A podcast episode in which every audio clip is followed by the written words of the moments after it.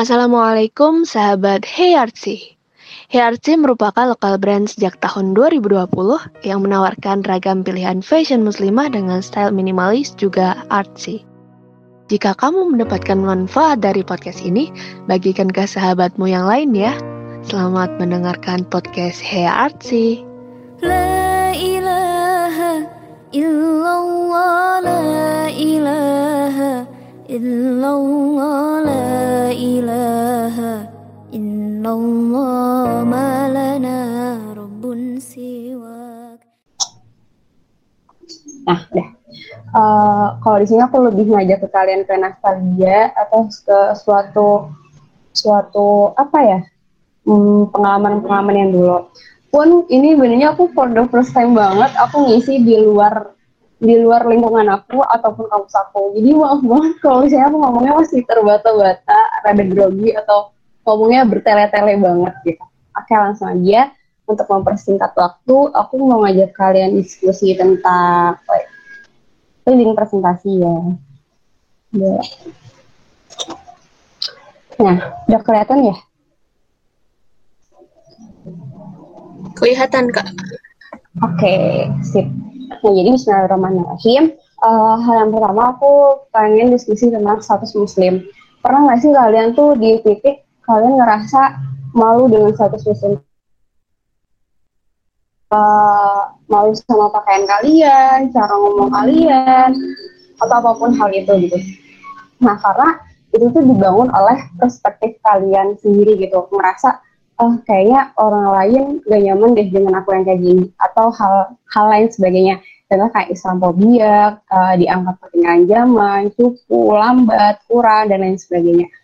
Terus uh, di sini lebih aku pengen cerita sih dulu. Jadi aku SMP SMA itu kan di lingkungan Islam ya di pondok gitu. Terus masuk ke kampus yang negeri di mana itu tuh banyak banget golongan-golongannya kelompoknya dan lain sebagainya gitu. Bahkan kalau aku kan fakultas seni rupa ya, fakultas seni rupa dan desain. Di mana di sana tuh orangnya tuh benar-benar nyentrik gitu. Uh, kayak pendapatnya tuh bercampur baur gitu. Kayak misalnya temen aku tuh benar-benar dia biasa aja ngaku-ngaku ya aku LGBT gitu. Ya aku ateis dan ya aku ini ya aku gitu loh. Jadi sebagai orang yang yang awalnya di lingkup Islam masuk ke ranah sana benar-benar kaget dan juga namanya juga pemuda ya pasti pengen banget nyobain suatu hal baru. Yaitu kayak misalnya nyobain gimana sih rasanya masuk ke berbagai golongan. Dengan iming-iming uh, kayak aku bisa deh masuk ke ranah sana untuk dakwah untuk ngasih tahu misalnya sederhana eh waktunya sholat gitu eh waktunya ini gitu. Tapi yang terjadi adalah ketika aku mencoba hal itu bukannya aku berbaur tapi yang ada yang ada adalah aku jadi melebur gitu aku malah uh, ngerasain suatu hal perspektif yang salah gitu. Misalnya kayaknya uh, awalnya berbaur nih. Terus lama-lama ketika aku main sama mereka aku ngerasa kayaknya mereka gak bakal nyaman deh kalau misalnya aku kayak kerudung panjang banget nih. Udah ah pendekin aja gitu. Atau uh, bolehlah sekali-kali aku pakai celana. Misalnya aku pribadi uh, batasan aku uh, eh percobaan. Batasan aku tuh udah sampai aku kudu banget pakai kaos kaki rok terus kerudung panjang dan lain sebagainya. Pasti kalian udah ada lah ya target-target kalian dan lain sebagainya. Tapi ketika akhirnya aku mencoba masuk ke suatu kelompok itu dengan ya iklan dengan uh, aku membawa status muslim aku aku tapi aku nggak pede dengan status itu yang ada adalah aku tuh malah uh, ngancurin ngerugiin diri aku sendiri. Dan akhirnya aku mencoba berbaur yang jadinya melebur aku jadinya nggak tambah pendek misalnya. Terus atau aku malah sampai nggak pakai kos kaki dan sebagainya. Kalau dipikir-pikir kan kayak dengan akhirnya aku nggak pede dengan satu tulisan aku aku malah membuat aku lebih terjerumus masuk ke dalam satu benangan dosa atau keterbukaan lainnya. Untungnya pasti kalian kalau di fakultas atau suatu jurusan itu ada LDF LDF gitu ya. Nah kalau di aku tuh namanya ada KISR di mana orang-orang di sana tuh hmm, apa ya orangnya ada yang berbaur-berbaur. Nah kita kita yang melebur-melebur ini untungnya ditarik sama mereka. Maksudnya kayak ada uh, diingatkan lagi dan terus pengen terus sampai aku tuh pernah juga masuk ke satu kegiatan yang aku tuh suka banget. Namanya tuh perform. Jadi kalau di FSD namanya ada perform. Itu pakai apa sih kostum-kostum yang warna-warni terus dan lain sebagainya. Cuma kan kalau di perform tuh kalian ya, orang lain, di situ ada lekukan tubuh, ada misalnya lepas kaos kaki, pakai kostum uh, misalnya pendek dan sebagainya. Itu kan kalau dilihat ya itu berbahaya. Tapi kadang ada rasa oh sayang banget, aku kan suka ini dan sebagainya gitu. Nah itu lagi-lagi kayak harus mengorbankan, harus mengorbankan status fisik kalian gitu, masa harus mengorbankan satu iman kalian. Jadi yang sebenarnya tuh hal itu menjurus kalian ke suatu hal yang besar. Padahal pasti kalian juga sering udah denger sih ke entah guru kalian dan lain sebagainya. Kalau zaman sekarang muslim itu udah udah nggak cukup lagi. Kalau zaman sekarang muslim itu udah pinter banyak kok orang negeri yang udah pakai kerudung dan sebagainya tokoh-tokoh Islam udah bermunculan meskipun seiringnya waktu juga banyak apa ya ilmu-ilmu bukan ilmu-ilmu sih pendapat-pendapat pikiran yang lain juga yang akhirnya masuk hingga kalau sekarang tuh lebih ke Islamophobia kali ya atau pemecahan pemikiran yang sebenarnya. Oke lanjut aja. Nah lanjut ke definisi cantik. Kalau definisi cantik sendiri tuh pasti banyak banget ya sih? Mulai ada orang yang cuman berpikir bahwa cantik itu kata benda kata benda terus atau bahkan udah masuk kata kerja maksudnya kayak dari tindakan kalian perbuatan kalian akhlak kalian itu bisa juga didefinisi yaitu cantik nah nah ini jadi aku sebelum kapan hari ya? Aku lupa. Aku pernah nanya gitu ke Kak sorry aku menurut kalian definisi cantik menurut kalian itu apa sih? Ini berbagai ada yang belum aku masukin juga lumayan banyak. Dan maaf banget ya ada, ada apa belum aku sempat sensor. Ya coba bacain ya. Uh, definisi cantik itu nggak jutek gak menakutkan gak bosen kita memandang adem dilihat sehat secara rupa jasmani rohani dan ada aura kebaikan dari dirinya glowing muka dan hati. Menurutku cantik itu kalau orang yang ada di sekitarnya sampai mikir wah dia ini cantik keluar dalam. Uh, ya aku ini cantik ya boleh lah. Uh, tidak berlebihan. Cantik itu kataku pas perempuan bisa disegani karena isinya orang nggak berani macam-macam sama dia. Good attitude cantik dan menjadi diri sendiri tapi tak lupa dengan adab dan akhlak perempuan soalnya perempuan pasti dong siapa dulu yang nyetain orang yang confident kayak dari cara jalannya pede banget tuh nggak tahu kayak keren aja ketika hati sama pikiran sefrekuensi good attitude, bijak, cerdas dan soleha, pintar dan good attitude. Ya banyak ya. Kalau menurutku cantik itu perempuan yang happy. Kalau di happy pasti dia cantik. Sehat secara rupa, jasmani, rohani, dan ada aura kebaikan dari dirinya. Langsung, karena aku gendut dan kata mama, secantik apa pun cewek, kalau gendut jadi nggak cantik. Bersih, resik, gak cuma wajah. Baik hatinya, memiliki empati dan pikiran, that's a beauty of human being cantik itu banyak berbuat baik sesama sesama itu cantik punya hati yang tulus bertakwa asik yang sopan santun perilaku dan memiliki tutur kata yang baik dilihat dari akhlak kak insya Allah relatif sih tergantung tergantung ini aku ketutupan tulisan terus cantik ketika mampu menerima kekurangan diri sendiri dan melejitkan kemampuan diri muslimah percaya diri sama diri sendiri, bersyukur dan percaya kalau Allah ciptain kita udah dengan kalau Allah ciptain kita udah dengan sebaik-baiknya. Nggak tahu tergantung lokasi dan konteks. Nah ini juga benar. Nggak cuma wajah, dia juga cantik kalau aura dipancarkan menyenangkan. Dia yang selalu nyebarin aura positif untuk orang-orang di dekatnya. Karena cantik menurut itu nggak cuma menurut nggak cuman oh menurut nggak cuma kalau ada orang sini sampai mikir wah dia ini cantik keluar dalam Nah dari sini aja orang-orang tuh pendefinisian cantik tuh beragam gitu.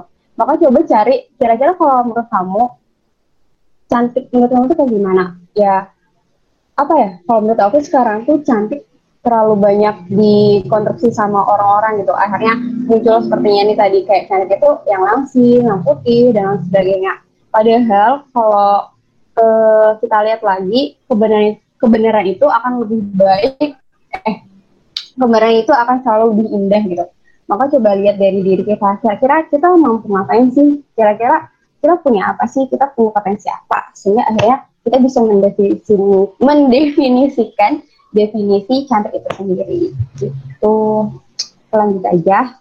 Nah, wanita solehah adalah sebaik-baik perhiasan dunia. Tapi sering banget kan dengar hal ini. Bahkan wanita solehah juga uh, apa ya? Oh bukan bukan.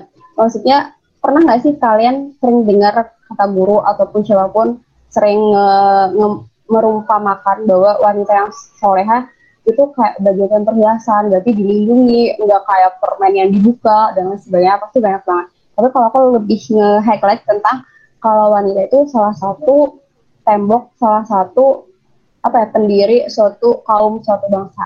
Maka ketika maka ketika wanitanya itu hancur, generasinya juga akan ikut hancur, bangsanya juga akan ikut hancur. Maka sering kelompok-kelompok itu menarget, menargetkan adalah kita, gitu. kita sebagai wanita, karena kita adalah uh, apa ya, guru, guru pertama generasi kita, guru pertama anak-anak kita. Ketika kita hancur, ketika kita ketika kita udah terpengaruh dengan berbagai hal, maka berikut-berikutnya juga bakal hancur gitu. Maka ini sangat penting banget peran kita sebagai wanita soleha, sebagai wanita yang apa ya udah nggak ada bergelut dengan pikiran-pikiran kita gitu.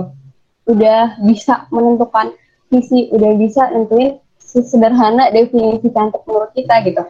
Nah lalu sesungguhnya Allah tidak melihat terpamu tapi ia melihat hati dan amal tadi surah muslim. Tadi aku mau cerita apa ya di sini? Aku agak lupa nanti jadi kalau ingat. Oke selanjutnya. Ini sebenarnya selingan aja sih Nah, selain untuk merawat ya dari dalam dari akhlak kita, juga pasti kita merawat. Kenapa perlu merawat kayak good looking? Menurut aku itu bukan sekedar cantik ya, bukan sekedar uh, ganteng atau apa pun itu suatu looking, tapi good looking lebih kerapi, kamu bersih, kamu wangi gitu. Pernah nggak sih kalian denger apa namanya cerita ada orang kayak mau deket sama beberapa ciwi-ciwi muslim yang kerudungnya panjang karena pernah ada uh, ketika dia di dekatnya itu tuh bau banget. Ternyata waktu kesidanya kenapa? Karena nggak boleh pakai parfum karena nggak boleh ini. Padahal kita ditunjuk juga kan untuk bersihin. Sesederhana kita mandi lah pakai pakai deodoran atau lain sebagainya. Nah ini jadi itu dapet dari dokter siapa ya? Aku lupa.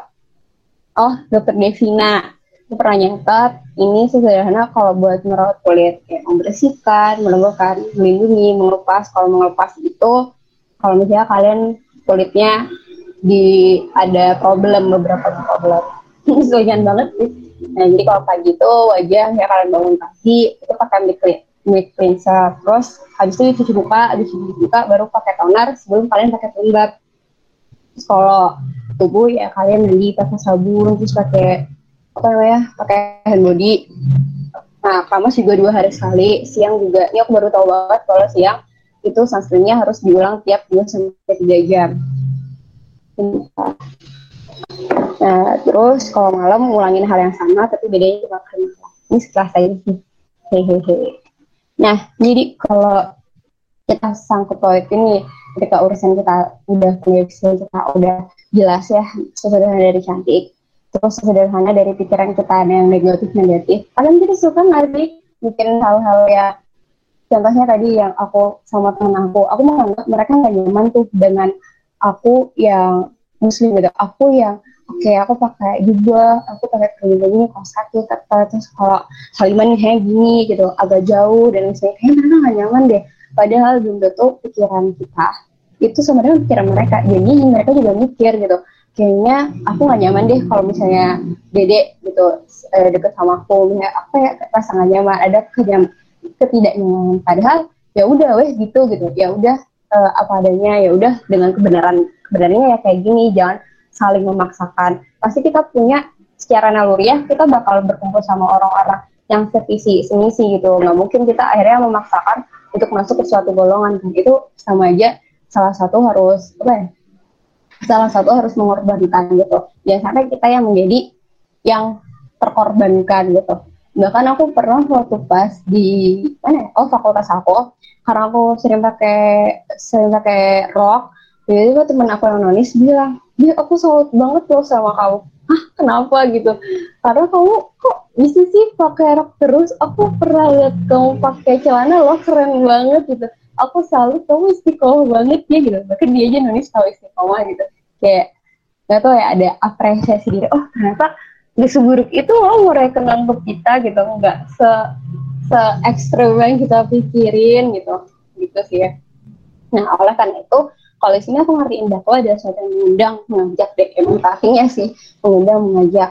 Nah definisi mengundang dan mengajak itu kan banyak banget ya. Gak harus kalian akhirnya dakwah itu sama dengan misalnya ngomong di depan kayak gini ke beberapa orang atau kalian bikin ilustrasi yang bagus banget gitu. Atau kalian bikin tip estetik dan lain sebagainya kan banyak kan media sosial yang dia jangan sampai kalian memaksakan hal itu jadinya kalian gak nyaman gitu. Jadinya kalian uh, yang nggak bisa tapi dibisa-bisain gitu. Kalian benar-benar nyaman. Padahal dari arti mengundang ngajak itu kan bisa berbagai ya. Sesederhana kalian kalau aku bilang buang sawah pada tempatnya dengan akhirnya kalian seorang muslim yang rapi terus di depan orang banyak kalian buang sampah itu juga mengajak orang-orang buat buang sampah juga. Atau kalian lebih suka yang ngajar gitu ngajar ke anak-anak kan juga bisa ya gitu. Atau ya udah nggak apa-apa kalau misalnya emang suka nanya di sosial media juga nggak apa-apa gitu. Jadi biasanya kita mendefinisikan dakwah itu juga sama kayak pendefinisian cantik tadi. Terlalu terlalu campur baur sama perspektif-perspektif orang. Oke selanjutnya.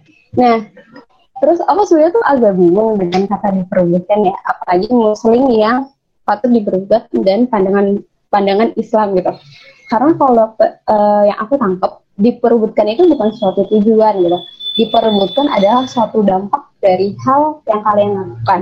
Diperbutkan itu suatu amanah yang cukup besar gitu dalam artian misalnya diperebutkan itu kalian bakal jadi tenang, kalian jadi akan didamba-dambakan, kalian jadi diagung-agungin kan gitu. Atau konteks lainnya lah ya. Jadi aku nganggap kalau diperebutkan tuh bukan satu tujuan gitu, tapi suatu dampak. Yang harusnya kita apa ya kita lurusin adalah suatu niat kita gitu.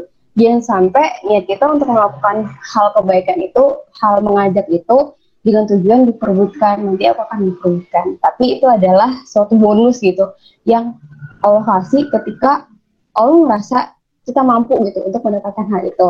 Aku tuh pernah dengar kalau nggak salah Muzamil gitu dia cerita kalau dia gak, ya nggak pernah doa gitu ngapain aku doa untuk menjadi terkenal? Itu sama aja aku doa untuk uh, mendatangkan bahaya buat aku gitu. Karena suatu hal yang diperbutkan suatu hal karena aku tuh berat juga ya gitu.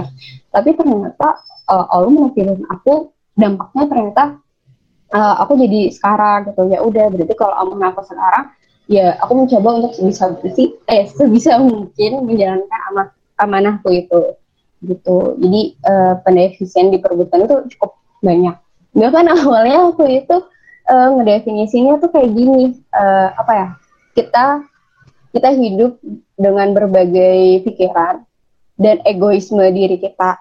Banyak hal yang harus kita coba banyak hal yang memperbutkan kita untuk melakukan suatu kegiatan itu. Nah, bagaimana caranya kita mengatasi hal-hal yang diperbutkan dalam pikiran kita untuk memilih salah satu yang paling baik gitu. Salah, salah satu yang paling apa ya sesuai dengan syariat kita gitu. Jangan sampai memaksakan, jangan sampai akhirnya kalian yang jadi rugi karena uh, apa namanya tadi uh, mikirnya ya udah kan ini aku dakwahnya buat di golongan sana.